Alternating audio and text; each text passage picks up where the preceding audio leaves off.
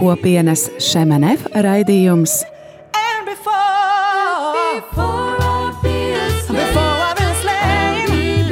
Jaunais ceļš.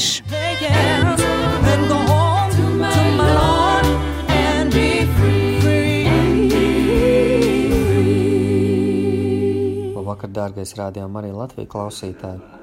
Kā katru trešo mēnešu svētdienu ar tevi atkal kopā ir raidījums Jaunais ceļš un mēs, Egmons un Liena Gāliņa. Bet ar tulkošanu mums palīdz Nils Jansons, jo jaunās sezonas otrajā raidījumā mēs turpinām sarunu ar kopienas šamenevu dibinātāju un priesteri no Francijas Lorānu Fabru. Iepriekšējā raidījumā mēs uzzinājām par tēlu Lorānu dzīves aizsākumu un evaharistijas nozīmi tajā, par svētā gara atklāsmēm studiju laikā un saņemto aicinājumu uz kristiešu vienotību, kas ir kļuvusi par kopienas misiju un kas īpašā veidā izpaužas arī šajā Matis Jahū dziesmā. Jā,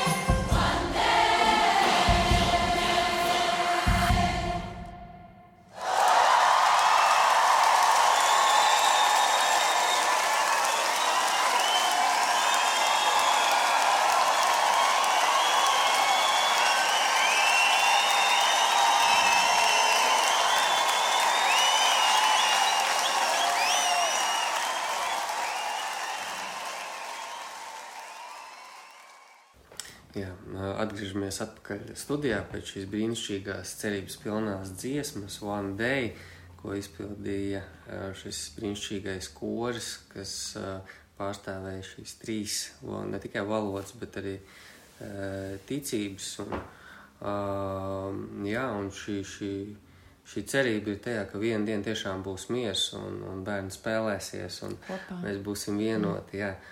Bet Kā jūs, Lorāna, redzat, nu, kā tas reāli notiks? Jā, šī dziesma ir skaisti, bet, eh, bet kāda ir realitāte, kāda ir izaicinājuma, kāds ir iespējas mums tiešām būt vienotiem vienu dienu? Oui, alors là, peut-être que je vais répondre aussi à la question comment dans mon cheminement j'ai découvert Jésus. Varbūt es arī varu uh, nedaudz arī atbildēt uz jautājumu, kā es uh, satiku Jēzu. Donc j'ai l'impression d'avoir toujours eu la foi. Man šķiet, ka es, man visu mūžu bijusi ticība. Comme disait la sœur ici présente, je pense que j'ai rencontré Jésus dans le ventre de ma mère. Man ir tāda sajūta, kā es būtu saticis Jēzus manas mātes miesās. Plutôt c'est lui qui est venu à ma rencontre, et puisque ma mère a communié tous les jours pendant neuf mois. Drīzāk tas ir viņš, kurš nāca man satikt, jo, es, eh, jo man māte devās pie komunijas visus eh, deviņus mēnešus, kopš, kopš viņa man gaidīja. Et je, au fond, je suis un privilégié de l'Eucharistie. Un līdz ar to man, šos pamatos man bija tāda īpaša privilēģija saņemt Euharistiju. Et maintenant, je recommande aux femmes qui sont enceintes de communier. Tagad es rekomendēju sievietēm, kuras uh, gaida bērnu, īpaši doties pie komunijas bieži. Et de croire à la présence réelle. Un ticēt uh, Jēzus patiesai klātbūtnē. Alors il y a eu deux étapes peut-être importantes. Laikam ir divi būtiski posmi. Peut-être je vais raconter d'abord celle-ci. À 18 ans, uh, varbūt es sākšu vispirms ar to, ka 18 gados j'allais devenir étudiant. Studijas. J'avais terminé ce qu'on appelle le bac. Et euh, c'était la guerre d'Algérie. Et euh, moi, ça m'interrogeait. Parce que je me disais, au niveau de la justice, est-ce que c'est normal que nous, Français, on considère que l'Algérie, c'est notre propriété? Jo es sev teicu, vai no tāda taisnības viedokļa tas ir pareizi, ka mēs, Franči, domājam, ka mums pieder Alžīrija. Et je comprenais déjà que le colonialisme, c'était quelque chose de dangereux. Jo es tad sapratu jau, ka koloniālisms tas ir kaut kas bīstams. Il n'y a qu'à se voir ce qui se passe aujourd'hui dans certains pays. Mēs redzam, kas šobrīd notiek dažās valstīs. Y compris à côté de chez nous, l'Ukraine. Un tā skaitā netālu no mums uh, Ukrainā. Et les Lettoniens se souviennent bien de leur fête de l'indépendance.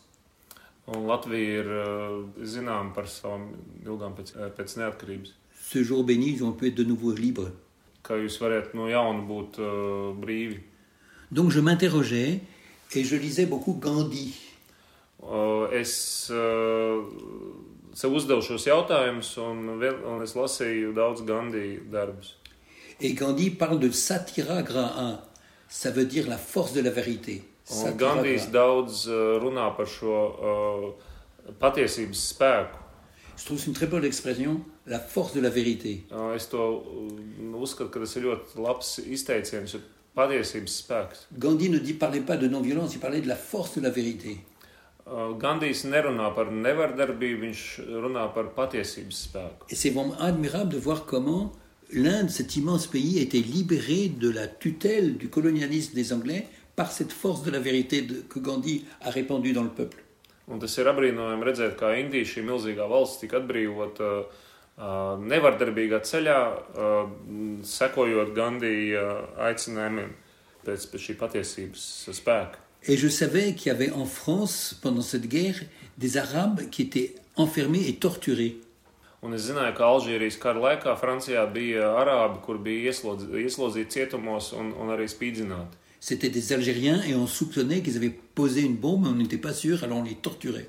Un, uh, viņi bija Alžīrijas izcelsmes, un uh, nereti viņiem tika piemērots, pret viņiem tika piemērots spīdzināšana.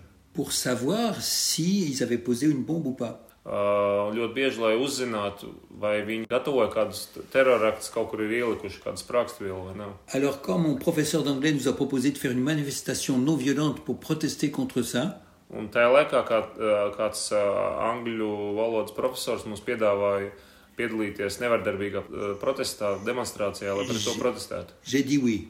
Un uh, es teicu jā šim priekšlikumam. Et cette manifestation, cette nuit passée en prison, ça a été pour moi comme une très belle expérience spirituelle. Un šī uh, demonstrācija, kurā es piedalījos, un pēc tam nakts, kur man nācās pavadīt cietumā, bija patiesa nevardarbīgās uh, pretošanās pieredze. Donc les organisateurs de cette manifestation avaient prévenu la préfecture, euh, le gouvernement, disant qu'on allait protester pacifiquement pour dire qu'on n'était pas d'accord pour cette guerre d'Algérie et pas d'accord pour ces tortures. Organizatori bija jau laiks brīdinājuši prefektūru, municipalitāti, un, uh, ka mēs uh, rīkosim šo, uh, šo protestu, un ka mēs būsim miermīlīgi, un mēs vēlamies vienkārši paust, paust savu viedokli pret, pret šiem apcietināšanu un, un spīdzināšanu. Alors moi, je me souviens, j'ai discuté avec mes parents dans la cuisine pour dire voilà, j'ai l'intention d'aller participer à cette manifestation. Un es atceros, ka es pirms tam runāju ar maniem vecākiem uh, mūsu nā- mājas virtuvē un teicu, ka es vēlos doties uz šo demonstrāciju. J'avais seulement 18 ans, Man bija uh, tikai 18 gadi. mais j'avais la chance d'avoir des parents qui me comprennent. Man bija patiesi paveicies ar vecākiem, kur man saprot. Ils m'ont fait confiance. Un viņi man uzticējās. Et même mon père m'a dit cette phrase La vie m'a appris la beauté du risque. Un pat mans tēvs teica šo uh, frāzi, ka dzīve man ir iemācījusi riska skaistumu. J'ai eu la chance d'avoir des parents comme ça. Man bija man paveicās ar tādiem vecākiem. Donc, euh, sur, près de Marseille, au centre de Marseille, il y a la préfecture, c'est un endroit très officiel. Un Ma- Marseļas centrā ir tā, tāda ļoti oficiāla vieta, kur ir prefektūra. Il y avait plusieurs quarts de police qui nous attendaient. Un, kad mēs tur ieradāmies, tur bija vairākas policijas mašīnas, kas mūs gaidīja. Et à tour de rôle, on allait s'allonger Un, sur, euh, sur la route. Un mēs uh, to maš, uh, mašīnu priekšā nogulāmies uz zemes. Et chaque fois, deux policiers, Un uh, katru brīdi divi policisti l'un nous prenait les mains et l'autre nous prenait les pieds. nāca mums klāt, un viens ņēma aiz rokas, un otrs aiz kājām. Et ils nous portaient et nous mettaient dans le fourgon de Un, police. un nesa mūs vien pēc viena aiz otras uz policijas mašīnām, uz policijas furgoniem. Donc, je me suis retrouvé dans, dans le truc de police, Un es uh, līdz ar to uh, nokļuvu uh, policijas furgonā. traversant la ville de Marseille. Pim, pom, pim, pom, pim, pom. Un mēs tikām vesti ar šiem policijas mašīnām, ieslēgtām sirēnām un skaņas signāliem. Et on arrive en prison dans une grande salle. Un mēs tikām aizvest uz cietumu, tādu diezgan lielu zāli, ievietot diezgan lielā telpā. On était une trentaine dans la même salle. Mēs bijām aptuveni 30 cilvēku šajā zālē. Et un des organisateurs a dit Un viens no organizatoriem teica, Voilà, nous sommes de religions différentes, nous ne sommes pas tous chrétiens. Certains croient en Dieu, mais d'autres pas. Mais on va prendre un moment de silence. Je crois que c'était cinq minutes de silence. 5 Certains vont prier, d'autres réfléchir, bref. Et alors, pendant cette minute de silence, Un šo 5 minūšu laikā, klusumā, il y a un événement qui m'a beaucoup marqué. notika kāds notikums, kas man, kas man ļoti iespaidoja. Les portes de la prison se sont ouvertes. Šajā brīdī, kad mēs bijām klusumā, cietuma durvis atvērās. Le responsable, de, le gendarme responsable de la prison, Un, un cietumā atbildīgais le colonel, pulkvedis est venu nous voir. ienāca iekšā, lai mūs satiktu. Et il nous a expliqué, moi je fais mon travail, je fais mon devoir, j'obéis à des ordres.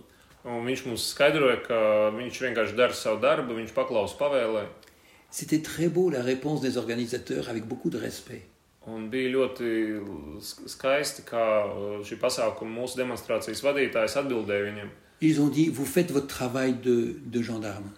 Viņi teica, jā, mēs zinām, jūs darat savu žandarmu, policijas darbu. Heureusement qu'on a des policiers et des gendarmes dans notre pays. Tas ir labi, ka mums ir policisti, žandarmi mūsu valstī. Heureusement que vous êtes là. Tas ir labi, ka jūs, jū- jūs esat. Mais nous, en tant que citoyens français, Bet mēs, kā Francijas pilsoņi, on ne peut pas accepter qu'on torture des gens qui défendent leur pays, qui veulent indépe- être indépendants. Mēs, kā Francijas pilsoņi, ne, nevaram pieņemt, ka tiek spīdzināti uh, cilvēki tikai tāpēc, ka viņi aizstāv savu valsti. C'est comme si aujourd'hui, des Russes disaient Nous voulons que l'Ukraine soit indépendante, nous trouvons que cette guerre est injuste.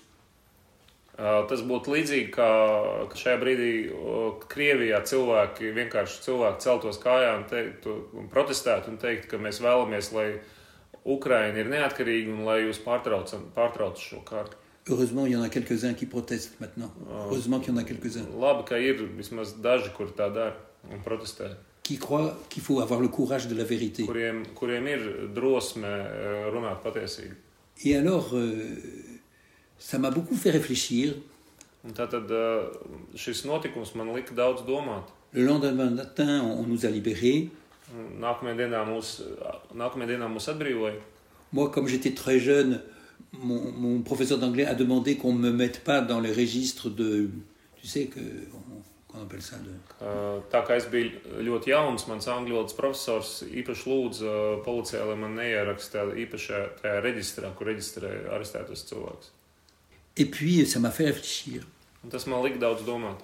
Et à ce moment-là, à peu près la même période, peut-être même le même jour, Un aptuveni šajā laikā, šajā periodā, varu iespējams pat šajās il y avait dienās, un jeune séminariste, bija kāds jauns seminārists, plus âgé que moi, nedaudz vecāks par mani, qui était en ce moment dans l'Algérie pendant la guerre. kurš, bija tie, kurš šajā brīdī atradās tieši Alžīrijā, Il s'appelait- tajā kara, kara, kara pārņemtajā Alžīrijā. Christian de Chergé. Un viņu sauca Kristians de Šaržē. C'était un séminariste qui priait Tas bija jauns semināris, kas daudz lūdzās. et qui avait lié d'amitié avec un garde forestier qui était musulman. Un kurš uh, bija izveidojis labas, draudzīgas attiecības ar, ar kādu vietējo musulmanu, kurš bija uh, atbildīgs par, par mežu, kurš bija. Un certain Mohamed qui avait dix enfants. Un šo musulmanu sauca Muhameds, un viņam bija desmit bērni. Et souvent, ils parlaient de Dieu ensemble. Un viņi ļoti bieži runāja par Dievu kopā. Parfois, le, le musulman disait aux chrétiens, mais vous, vous savez pas prier.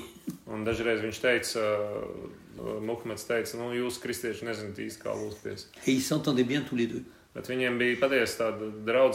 Mais un jour, parce que c'était la guerre en Algérie, un jour, euh, Christian de Chergé, qui était donc au service militaire, a été pris par les rebelles. Uh, bet uh, tā kā tas bija karš, uh, un Kri- Kristians de Šaržē tajā laikā bija militārā dienestā, viņu kā dienu sagūstīja šie nemiernieki, kas cīnās par par les terroristes. o, nemiernieki vai teroristi. Et alors, euh, c'était dramatique, tas bija patiesi dramatisks brīdis, parce que la plupart du temps, ils les tuaient. Ils ne pouvaient pas emmener des tas, ka prisonniers. normālos apstākļos viņi būtu nogalinājuši savus Alors, gūstus. Mohamed est intervenu Bet uh, viņa, šis draugs, šis cilvēks, ar ko viņš, uh, vietējais cilvēks, ar ko viņam bija labs attiecības, Muhameds, son ami Christian avait été enlevé. Uh, šis uh, vietējais iedzīvotājs Muhameds ar, ku- uh, I- nāca, uh, iejaucās, jo viņš redzēja, ka viņa draugs ir apcietināts. Il est allé voir les musulmans terroristes Viņš, uh, šis Muhameds devās pie musulmaņu teroristiem. En leur disant Mais ça, c'est un Français qui nous aime bien, qui respecte notre religion. Il ne faut pas qu'il meure, il faut le laisser libre. Un viņš teica, šis ir uh, uh, šis francūzs ļoti mīl mu- mūsu, viņš respektē mūsu reliģiju, jūs nedrīkstat viņu nogalināt. Et grâce à cette intervention risquée, il a été, il a été sauvé. Un pateicoties šim riskantiem solim, tam, ka viņš iejaucās, Kristians de Šaržē tika atbrīvots. Ils l'ont libéré. Mais le lendemain, près du puits, on a trouvé Mohamed la tête égorgée. Pendant trois mois, Christian n'a pas pu en parler. Uh, uh, uh, pat parunāt. Il était vraiment traumatisé, mais en même temps, il réfléchissait. Et en gros, il se disait Mais ce Mohamed, ce Mohamed, viņš teica, šis Muhameds, il a fait comme Jésus. viņš izdarīja kaut ko kā Il a Jēzus. donné sa vie pour moi. Viņš atdeva savu dzīvi, dzīvību par mani. Ce père de dix enfants Šis desmit bērnu tēvs a risqué sa vie pour me sauver. riskēja ar savu dzīvību, lai mani glābtu. Et il est mort. Bet tagad viņš ir miris. Mais maintenant, Mohamed, il est avec Jésus. Un Muhameds nu, līdz ar to rīkojas kā Jēzus. Mohamed, il est sauvé. Bet eh, Muhameds ir eh, tagad ir pie Jēzus, un viņš ir, viņš ir glābts. Il est mort, mais il est avec Jésus. Et alors, à partir de ce moment-là, il a décidé de retourner un jour et donner sa vie aux Algériens.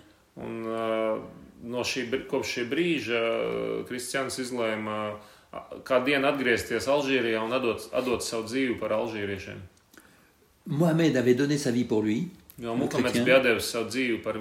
et lui, le chrétien, il voulait donner sa vie pour les musulmans. Un viņš, kā kristietis, kristians, viņ, viņš vēlējās atdot savu dzīvi par, par vietējiem iedzīvotājiem, par Alors- Christian est devenu cistercien, Un vēlāk Kristians kļuva par cistertiešu mūku. et il a demandé d'aller dans cette abbaye cistercienne de Tibérine. Un viņš vēlē, lūdza, lai viņu nosūta dzīvot uz Tiberinas klosteru. Et alors, euh, nous avons, nous, communauté de Chemenef, le privilège d'être responsables maintenant de cette abbaye. Un šobrīd mēs, kopiena Šemenef, uh, mums ir šī privilēģija, šī iespēja būt atbildīgiem par Tiberinas klosteru, par šo pašu klosteru, uh, kas atrodas Alžīrijā. Et je voudrais, par cet exemple, vous montrer les bienfaits de la non-violence. Un es vēlējos jums ar šo piemēru parādīt uh, nevardarbības augļus. Un grand spécialiste de la non-violence dans le monde, Ir kāds uh, liels speciālists, kurš daudz strādā ar, ar, ar šiem nevardarbības jautājumiem. un philosophe qui s'appelle Jean-Marie Muller, Uh, tas ir filozofs Jean-Marie Muller, a écrit un livre un, kurš ir sarakstījis kādu grāmatu, où il dit voilà, à part le témoignage inégalable de Jésus-Christ, kur viņš saka, uh, neskaitot uh, absolūti nesalīdzināmo Jēzus piemēru, parce que Jésus, tāpēc ka, il était nevardarbīgs. Viņš, il n'a pas voulu se défendre, et, il a recollé l'oreille coupée par Pierre de... de. Parce- parce que les, les, douze apôtres avaient deux épées, ils étaient armés. Bruņoti. Mais Jésus était non-violent, il ne voulait pas.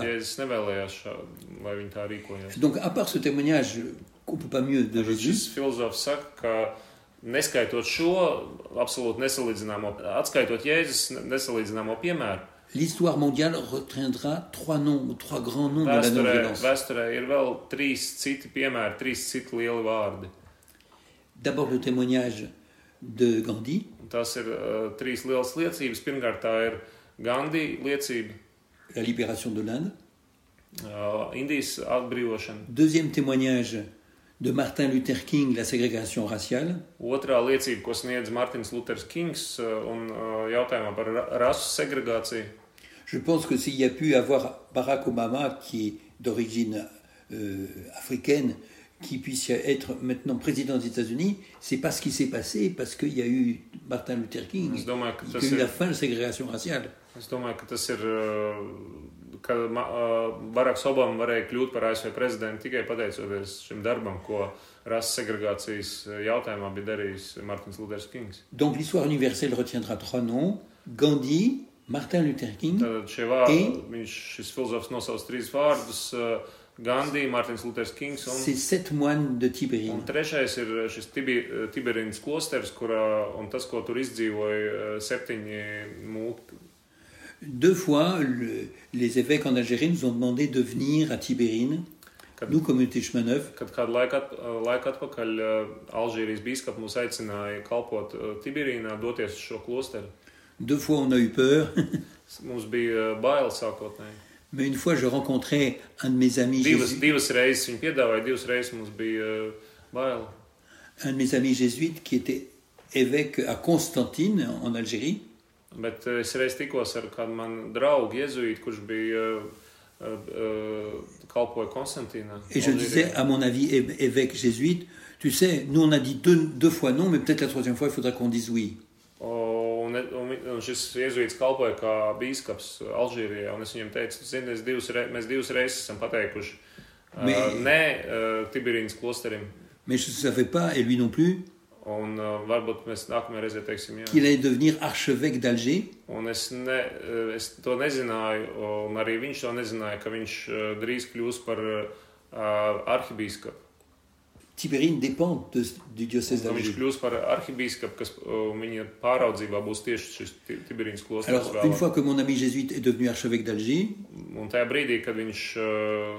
Un tajā brīdī, kad viņš, uh, man, mūs, mūs, man pazīstamais uh, bīskaps kļuva par arhibīskapu šeit, diet, uh, il m'a dit que, que si l'Église demande une troisième fois si vous- la communauté Chemin peut venir à Tibérine, tu m'as dit que tu dirais oui. Un viņš man kādā sarunā teica, uh, ja, ja baznīca vēl vienreiz jums kopienā Šimenef uh, uh, aicinās kalpot Tiberinas klosterī, ju- jums jāsaka jā. Un tas arī notika. Et alors, donc, maintenant, depuis 2016, on est présent dans cette abbaye. Un šobrīd, kopš 2016. gada, mēs esam klātesoši šajā abatijā, ce monastère de Tibérine, šajā Tiberinas klosterī. et c'est un lieu vraiment extraordinaire. Tā, un tā ir patiesi apbrīnojama vieta. Il y a une grâce très particulière dans ce lieu. Vietā. Chaque année, chaque jour, chaque jour, il y a des musulmans qui viennent visiter.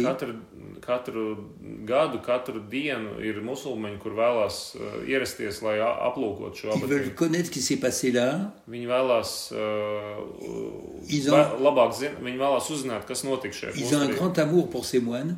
Un viņiem ir liela mīlestība pret šiem mūkiem, kas tur Et ils nous demandent de raconter ce qui s'est passé. Un viņi aic, lūdz mums izstāstīt uh, no jauna, kas tur notika. Et par exemple, l'autre jour, c'était le Covid. Un, uh, piemēram, nesen, kad bija, kad bija Covid laiks, Alors, comme il y a beaucoup de gens qui, qui viennent, le gouvernement nous a dit d'arrêter ce jour-là parce que c'était la fête. Valdība bija, ņemot vērā, ka tur, ka bija, tur drau- brauc daudz cilvēki, valdība bija, valdības noteikumi prasīja ap- apturēt šo, šīs uh, apmeklējumus. Donc, on avait bien fermé notre monastère. Mēs uh, paklausot, mēs aizslēdzam klosteru vārdu. arrivent deux quarts de musulmans, deux quarts d'étudiants musulmans. Tad, un te kādu dienu ieradās vesels autobuss ar musulmaņiem. Voyant que la porte s'est fermée, Redzot, ka uh, vārti ir aizslēgti, il y a deux étudiants qui sont montés sur le toit du mūra. qui ont sauté par-dessus le mur, le Kur, rempart, uz, uh, bija divi jauni studenti, kur uzrāpās uz autobusu jumtu, un tad no šī uh, jumta pārlēc pāri uh, et qui sont allés ouvrir les portes. Parce qu'ils voulaient connaître ce lieu. Vietu. Alors, mon frère Eugène, qui est prêtre et qui est médecin, qui est là-bas, Mūsu kopienas priesteris, kurš ir ārsts kurš tur dzīvo, est allé leur parler, leur expliquer. izstāstītu. Puis après, il a fait sortir ses 150 jeunes et puis il a fermé bien les portes. Vārdus. Mais c'est pour dire que c'est un lieu vraiment. On peut dire que pour la paix, pour la relation difficile entre les musulmans et les chrétiens, Bet uh, tā ir īpaša vieta, un var teikt, ka mieram, uh, lai, lai tam, lai mm, dziedinātu šīs sarežģītās attiecības starp musulmaņiem un kristiešiem, il faut savoir qu'en ce moment, il y a à peu près 80 millions, 80 millions de chrétiens qui ont été déplacés en général à cause, qui n'ont plus leur maison en général à cause des musulmans. Uh, jo ir jāzina arī tas, ka šobrīd ir aptuveni uh, 80 miljoni kristiešu, kuri, kuri ir bijuši spiest pame, pamest savus mājas.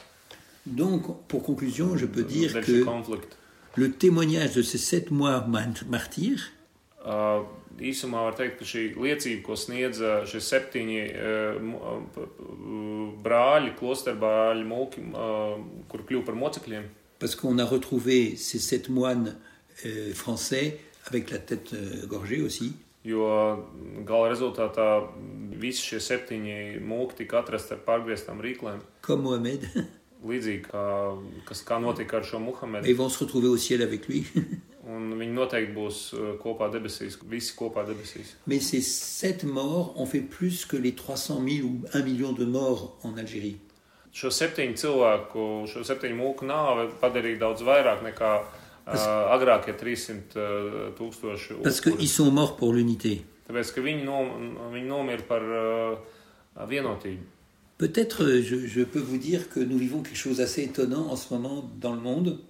Es varbūt arī varu jums pastāstīt, ka, ka mēs šobrīd izdzīvojam kaut ko patiesi pārsteidzošu pasaulē. Et beaucoup de catholiques ne se rendent pas compte que notre pape, notre pape François fait vraiment changer les choses. Un kad daudz katoļi redz, ka mūsu pāvests Francisks ir patiesi Et moi- maina lietas, Ça me réjouit beaucoup. un tas man ļoti iepriecina. Jamais dans l'histoire catholique, un pape n'a été aussi marqué par la non-violence. Uh, jo nekad uh, baznīcas vēsturē kādam pāvisam nav tik bijis ļoti svarīga uh, nevardarbība kā šim. Celui qui pensait comme lui, c'est un saint, Saint Jean 23. Uh, Tad uh, svētais Jānis 20 23. qui a fait cette encyclique Pacem in Terris, kurš sarakstīja šo encikliku pašiem interis, qui était vraiment euh, prophétique. kas bija patiesi pravietiska. Alors pour prendre quatre exemples de ce pape, Un es varu minēt četrus piemērus. il participe un jour au congrès de Pax Christi en 2016. Pāvis Francis piedalījās uh, 2016. gadā uh, Paks Kristi, Et là, il dit, il faut choisir la non-violence comme mode de vie. kur viņš teica, ka vardar, nevardarbība ir jāizvēlās kā dzīvesveidi. Et il emploie une expression importante, la non-violence active. Un viņš ievies tādu terminu kā uh, aktīvā nevardarbība. Parce que Gandhi, c'était un non-violent actif. Uh, tāpēc, ka Gandijs bija, piemēram, bija aktīvā nevardarbības Martin. Luther King aussi, c'est un non-violent actif. Martins Kings arī bija nevardarbīgās. Donc il dit, il faut qu'on choisisse la non-violence active. bija aktīvās nevardarbības uh, pārstāvs. Jeb, En 2017, 2017. gadā pour la première fois de manière très très claire, pirmo reizi ļoti tādā skaidrā veidā un pape, kāds pāvests, ce pape François, un pāvests, dit que la guerre juste n'existe pas. pateica, ka nepastāv taisnīgs karš. Donc la théorie de la guerre juste, Taisnīgā kara teorija, c'est une théorie qui est faite un peu dans toutes les confessions chrétiennes. kas ir šī te teorija, ir klātesoša nedaudz visās kristīgās konfesijās. Par exemple, pour euh, Poutine et pour le patriarche de Moscou, c'est une guerre juste. Uh, Jo, piemēram, šobrīd Putinam un Maskavas patriarham tas, ko, tas kas notiek uh, Ukrainā, no viņa viedokļa skatoties, tas ir taisnīgs karš. Et dans le catéchisme de l'Église catholique, depuis toujours, il y a l'expression il y a des guerres justes. Bet arī šis jēdziens pastāv arī katoļu baznīcas skatehismā jau kopš seniem laikiem. Et notre pape dit on peut plus employer ce mot-là. Un mūsu pāvests teica, ka mēs vairāk mēs nedrīkstam lietot šo La jēdzienu. guerre juste n'existe pas. Viņš teica, nepastāv tāda Il y a taisnība. toujours des dommages collatéraux. Vienmēr ir postījumi, jebkurā gadījumā ir On postījumi. peut plus parler de guerre juste. Un mēs līdz ar to nevaram runāt par taisnīgu. karu. Il y avait dans notre catéchisme aussi la possibilité de la peine de mort. Uh, Mūsu katehismā arī ir runāts par, par ies, ie- iespējamību, ka var tikt piemērots Dans nāves certains sods. cas, la peine de mort. Par, um, par nāves sodu iespējamību dažos, dažād, dažos jaut, gadījumos. Et là, ça m'a surpris, je m'attendais pas à ça. Un man tas patiesi pārsteidzis, Mais le pape, en 2018, kad, Pāvel, uh, kad pāvests uh, 2018. a gadā refusé vraiment la peine de mort. uh, noraidīja nā- uh, nāves sodu pielietojamību. Alors, beaucoup- de plus en plus de gens pensent aussi qu'il ne faut pas accepter la peine de mort. To, ka Mais c'est une polémique aussi.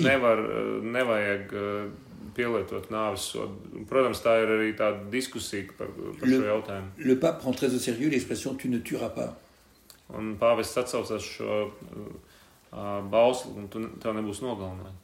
Et enfin, en 2021,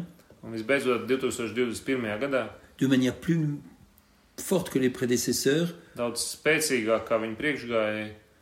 peut-être juste avant qu'on parle de ça ces jours-ci, c'est la question de, de l'arme nucléaire. uh. Vous savez que certains disent que ça peut exploser si ça continue, cette arme nucléaire. Uh, tiek runāts, tiek pieļaut iespēja, ka, ka šāds kodola konflikts ir iespējams. C'est le plus grand danger qu'il y a dans notre monde, Tas ir vien- viens no lielākajiem, viena no lielākajiem briesmām, ka, que quelqu'un utilise l'arme nucléaire. kāds varētu pielietot kodolieročus. Le pape, d'une manière très très claire, en 2021, Un Pāvis to pateica ļoti skaidri 2021. gadā. il a protesté contre ça. Viņš protestēja pret to. Et même pour marquer le- les choses, il est né dans un cimetière français à Rome, qui est un cimetière de l'armée. Un, lai pasvītrotu šo jautājumu, viņš devās svinēt uh, svēto misu uz, uz, uz kapsētu en disant très clairement Romā. que tous ceux qui vendent des armes, Lai pateiktu ļoti skaidri, ka visi tie, kas uh, tirgo ieročus, que tous ceux qui fabriquent des armes nucléaires, uh, visi, kas rada kodolieročus, ils mettent la vie en danger. Viņi visi noliek briesmās cilvēku dzīvību. et qu'on ne devrait pas faire ça. apdraud cilvēku dzīvību, un mēs to Donc nevaram il est absolument, comme d'autres, il veut abolir l'arme nucléaire parce que c'est trop dangereux. Viņš vēlās, lai, lai mēs atteiktos no, lai pasaule atteiktos no kodolieročiem. Et il va plus loin, il a dit, ce commerce des armes est scandaleux. Un vēl pēc tam viņš vēl teica, ka Alors nous, Français, on se sent très visés par ça, parce qu'on possède l'arme nucléaire. Et puis, on gagne beaucoup d'argent en vendant des armes, nous, en France. Uh, finanses no ieroču tirzniecības. Où, par exemple, on a quatre sous-marins qui sont armés par des, des bombes Mums nucléaires, ir uh, četras zemūdens, kas ir uh, bruņots ar qui kodolieročiem, peuvent circuler, circuler sous les mers kas uh, pastāvīgi atrodas et lancer une bombe n'importe où. Un var, var izšaut šo, šīs raķetes. Et là, il va très loin, Un, un šeit pāvis devās ļoti tālu. il est non violent jusqu'au bout, Un viņš ir nevardarbīgs līdz pat et il dit on pašiem n'a pas le pamatiem. droit de faire ça. Līdz pat, viņš ir nevardarbīgs līdz Le galam. commerce sakot, des armes est déjà en lui-même un un péché. Sakot, ka, ka ieroču tirzniecība pēc būtības jau ir, ir ne, ne, nepareizi. Alors tout le monde n'est pas d'accord avec lui, Protams, vis, ne visi pasaulē nav viensprāts. mais quand Ir je, viensprāts ar viņu. quand je vois son efficacité, par exemple, pour, pour la paix en Colombie, pour la paix au Soudan du Sud, pour la paix à Cuba, je me dis, au fond, ce pape, il a, il a vraiment quelque chose d'inspiré. Bet, kad es redzu, cik sekmīgs viņš ir miera sarunās, piemēram, Kolumbijā, es, es, es jau saku, ka viņš ir patiesi ir svētā gara iedvesmots. Et personnellement, je pense Un personīgi es domāju, qu'il faut qu'on apprenne à nos enfants es personīgi es domāju, ka ir jāmāc mūsu bērniem la non-violence. būt eh, nevardarbīgiem. Mums jāmācās nevardarb, eh, nevardarbīgi attieksmi mūsu bērniem, kā risināt konfliktus. Eh, bez uh, cīņas, bez uh, kā mm, pieaugt. Parce que c'est certain que c'est terrible cette humanité qui refait les mêmes erreurs. Par exemple, cette guerre en Europe, c'est complètement catastrophique, c'est complètement Tas tas ir stupide. briesmīgi, ka pasaule atkārto uh, tās pašas kļūdas, kādas tā pieļāva agrāk. Jo, piemēram, šis karš, ko mēs redzam Eiropā, tas ir kaut kas patiesi On a briesmīgs. l'impression que notre humanité n'est pas du tout adulte.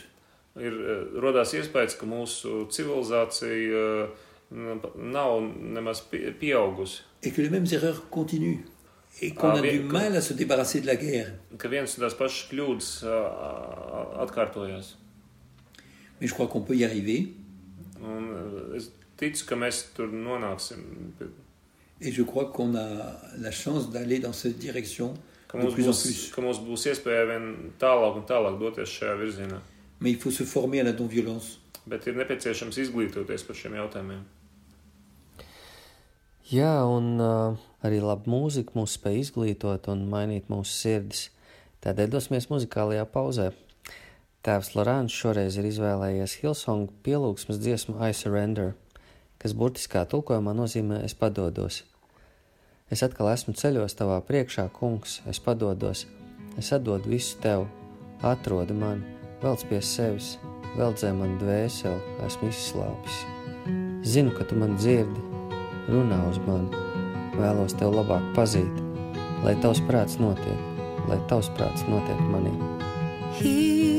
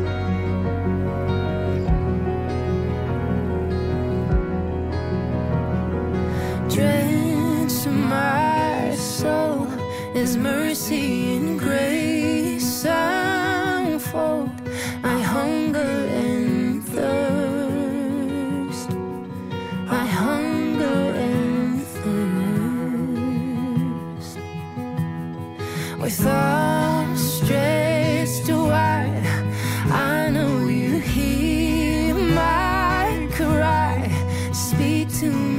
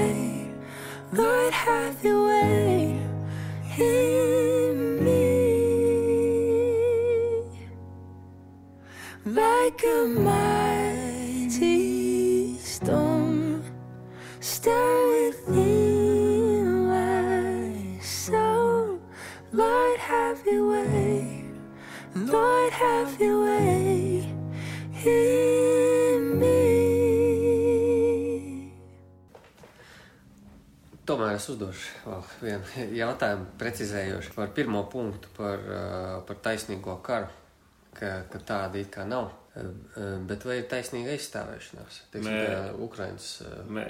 C'est possible que quel- quelqu'un se défendre dans une manière juste Par exemple, le- le- le- l'exemple de, de Le droit de légitime défense, oui, oui.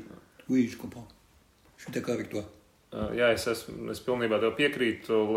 Tiesības uz tādu leģitīmu aizstāvēšanos, jā, es tev piekrītu. Tā, nu, tāda iespēja ir. Mais c'est très impressionnant de voir que Jésus parle de l'amour de l'ennemi.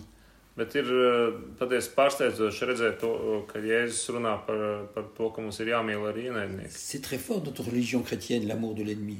Tas ir ļoti spēcīgi mūsu, krist, Ça paraît mūsu pas reliģijā. Mīlēt ienaidnieks. Tur, Ça paraît complètement fou. Tur nav nekādas loģikas, tas šķiet absolūti Comment puis-je muļķīgi. aimer mon ennemi? Kā es varu mīlēt manu ienaidnieku? Mais en même temps, il y a une grande sagesse. Tur ir uh, gudrība. Et qu'en effet, il faut qu'on apprenne à régler nos conflits, que ce soit les conflits familiaux, ou les conflits entre pays, ou bref, les conflits même entre, entre les églises, qu'on les règle avec la non-violence, avec un, un amour possible de l'ennemi. Un tas var, var mums palīdzēt arī atrisināt mūsu konfliktus visdažādākajos līmeņos, ģimenēs vai, vai starp baznīcām vai starp valstīm nevardarbīgā ceļā meklēt, meklēt risinājumu. En tout cas, je crois qu'on n'a pas le droit de dire que la non-violence n'est pas efficace. Un vienlaikus es domāju arī, ka mums nav tiesības teikt, ka nevardarbība ir ā, neefektīva, ka tā nedarbojas. J'ai un ami jésuite Man qui ir, s'appelle Christian Melon, man ir kāds draugs, jēzuīts, kurš sauc Kristiānu Melonu. qui est un spécialiste de la non-violence. kurš ir uh, atzīts uh, nevardarbīgās pretošanās uh, speciālists. Eh bien, il a donné des cours de non-violence à l'armée française. Un viņš ir uh, pasniedzis lekcijas par šo jautājumu Francijas armijai. Parce que l'armée française reconnaît qu'il y a des techniques de non-violence qui peuvent être efficaces. Tāpēc arī Francijas armija atzīst, ka ir dažādas nevardarbīgās pretošanās tehnikas, kas var būt efektīvas un kuras var pielietot. Es rādīju kādas fotogrāfijas Ukrajinā. Kur šis tanks, kur ir kāds tanks, kas iebrauc ciematā. Et là, tout d'un coup, ils voient devant eux une trentaine d'Ukrainiens. De, Un ā, šis uh, Krievijas tanks iebrauc Ukraiņu cietumā, un pēkšņi viņam nost, priekšā qui nostājās se ā, mettent kādi sans armes au milieu de la route. 30 cilvēki bez ieročiem. Alors, il y a un autre tank qui est double pour essayer de les écraser, Un ir otrs tanks, kas cenšas viņu, viņos, u- viņiem uztriekties, mais ils n'osent pas. bet, viņi, bet tomēr Et neiedrošinās. on a l'impression que c'est tout d'un coup des gens désarmés qui arrêtent des chars. Une Un, colonne de un, un tas rada, un tas rada iespēju, ka, ka šie ne, neapbruņotie cilvēki aptur tanku. Il y a une image extraordinaire qui a fait le tour de la planète. C'est dans cette place euh, en Chine. Un ir šis uh, slavenais uh, uh, attēls, kas bija savulaik Tiananmen. apbūvēja visu, visu planētu Où uh, no, no Ķīnas, no ķēniņa non seulement ce jeune arrête toute la colonne de chars, kur uh, šis cilvēks, uh, viens cilvēks apstādināja veselu le char. Dessus le char. un Kur beigās viņš uzrāpās uz, uz tanku, Et les chars tous sont tous immobilisés. un tanki ap- ir apstājušies. On a regardé le film, c'était étonnant. Esmu skatījušies Alors, filmu. cet homme, il a disparu, sans doute il est mort. Un pēc tam šis cilvēks pazuda. Mais c'était comme un instant de vérité. laikam, nav šaubu, ka viņš, ka viņš ir mieris, bet Ou bien tomēr tas bija tāds zināms tāds, uh, patiesības brīdis. un exemple de non-violence réussie, Un vai kaut kāds cits C'est aux nevardarbības veids, Philippines. ko mēs redzējām Filipīnā. Euh. C'est impressionnant de voir euh, ce qui s'est passé aux Philippines. Kas. Et nous, on connaît bien parce que nous sommes présents aux Philippines à Manille. Mēs to, to labi zinām, jo mūsu kopiena uh, ir pārstāvēta Il y a eu un dictateur qui a été renversé par la non-violence? Tur bija diktators, kurš tika gāsts uh, nevardarbīgā ceļā. Ou bien, par exemple, on parle des printemps arabes. Vai arī mēs ļoti bieži runājam par arābu pavasaru.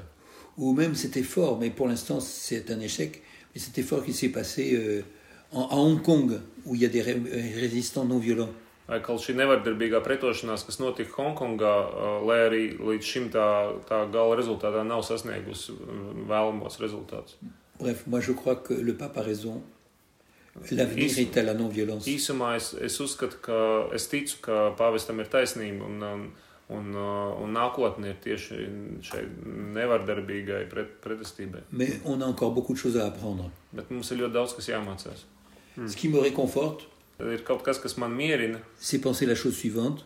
uh, ir šī, šī doma, Si vraiment maintenant on sait que l'histoire euh, de notre univers, du monde, c'est 13 milliards 700 millions d'années, Ja mēs šobrīd zinām, ka mūsu visuma vēsture, pastāvēšana ir aptuveni 13 miljardus sena, nous savons que si cette histoire racontée sur un livre de 1000 pages, ja šo visu 13 miljardu ilgo vēsturi izstāstītu uh, kādā biezā grāmatā, kurā būtu tūkstots lapspuses, quand est-ce qu'apparaît l'homme kad jūsuprāt uh, šajā stāstā parādītos cilvēks? Quand est-ce que vient l'humanité Kad parādītos uh, cilvēks? C'est à la page 300 ou la page 700 ou Vai tā 900 būtu 300 lapspuse vai 700 lapspuse? C'est à la page 1000.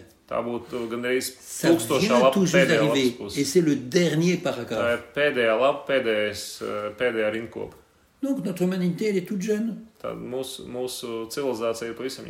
On est une humanité bébé. Alors, on, on est bête, on se fait la guerre. Un mēs uh, tiek pieļauts tāds bērnišs, bērnišs, nu, ne, bērnišs nepareiz darī, eh, darbība, no, darot šos, šos karus. Mums ir jā, jāveido pieaugusi civilizācija. Mm. Paldies! Jā, Pieaugsim. Jā, paldies, uh, Tēvs Lorāna, par šo brīnišķīgo mm, liecību, mācību, mm, par visu šo, par ko jūs dalījāties. Jā, paldies arī tev, Nīl, par tulkošanu.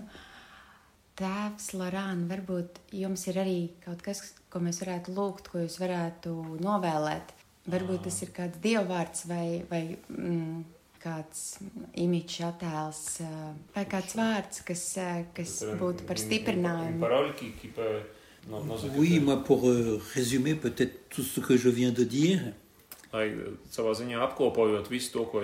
teicu, il me semble que je peux dire euh, ce qu'il y a dans la parole de Dieu,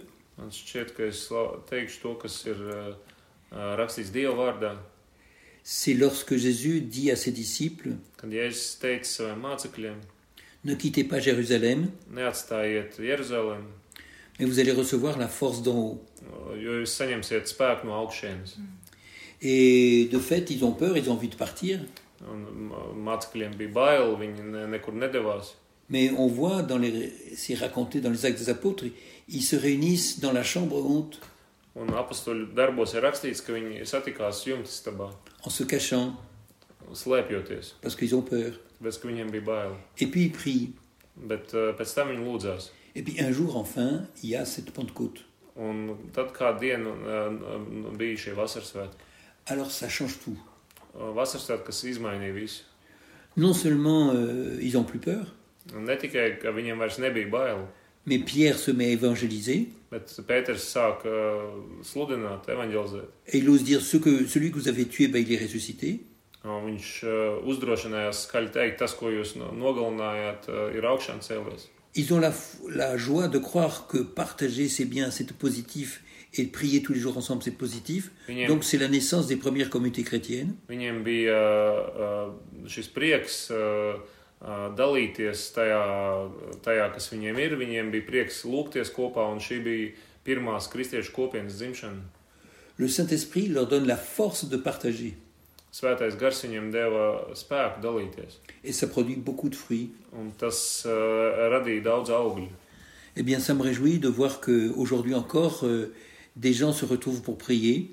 Un man tas dod lielu prieku, iedrošinājumu redzēt, ka uh, šodien, mūsdienās, uh, ir daudz cilvēku, kas Kad nāk ir kopā, grupa- lai lūgtos. Qu'il y a des groupes de prière ici ou là qui se rassemblent pour accueillir cette force d'en Ka haut. ir uh, daudzās vietās ir uh, lūkšana grupas, kas tiekās. Et je m'aperçois que ça produit du fruit. Un uh, augļu. Et donc, euh, ce que je souhaite, c'est que pour nous, comme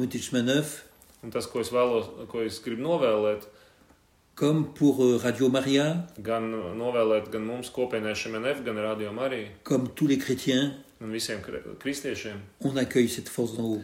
ir tas, lai mēs uh, uzņemam šo spēku no augšienes. On en a vraiment besoin. Tas mums ir patiesi nepieciešams.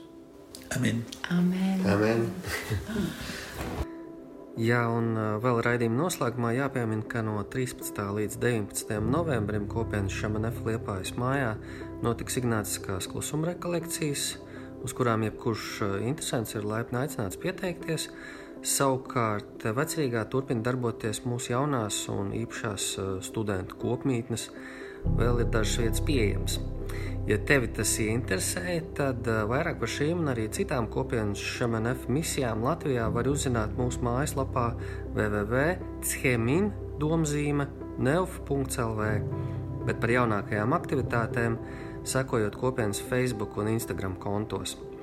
Vēlreiz sakām lielu paldies gan tēvam Lorānam par dalību raidījumā, gan Nilam Jansonam par izcilo tulkošanu, kā arī pateicamies Ivo un Mairtē Folkmaņiem par atbalstu raidījumu veidošanā. Novēlam svētīgu un mierpilnu šo svētdienas vakaru un visu nākamo nedēļu visiem mums un īpaši tev, mūsu klausītāji. Tiksimies jau nākamajā raidījumā, novembra 3. svētdienā. Ar labu vakaru! Bonsoir! Oh,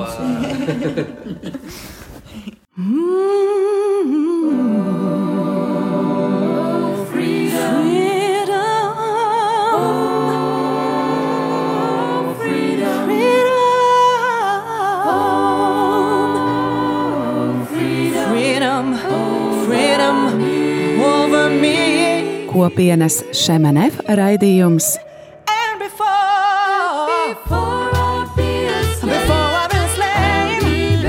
Jaunais ceļš. Yeah.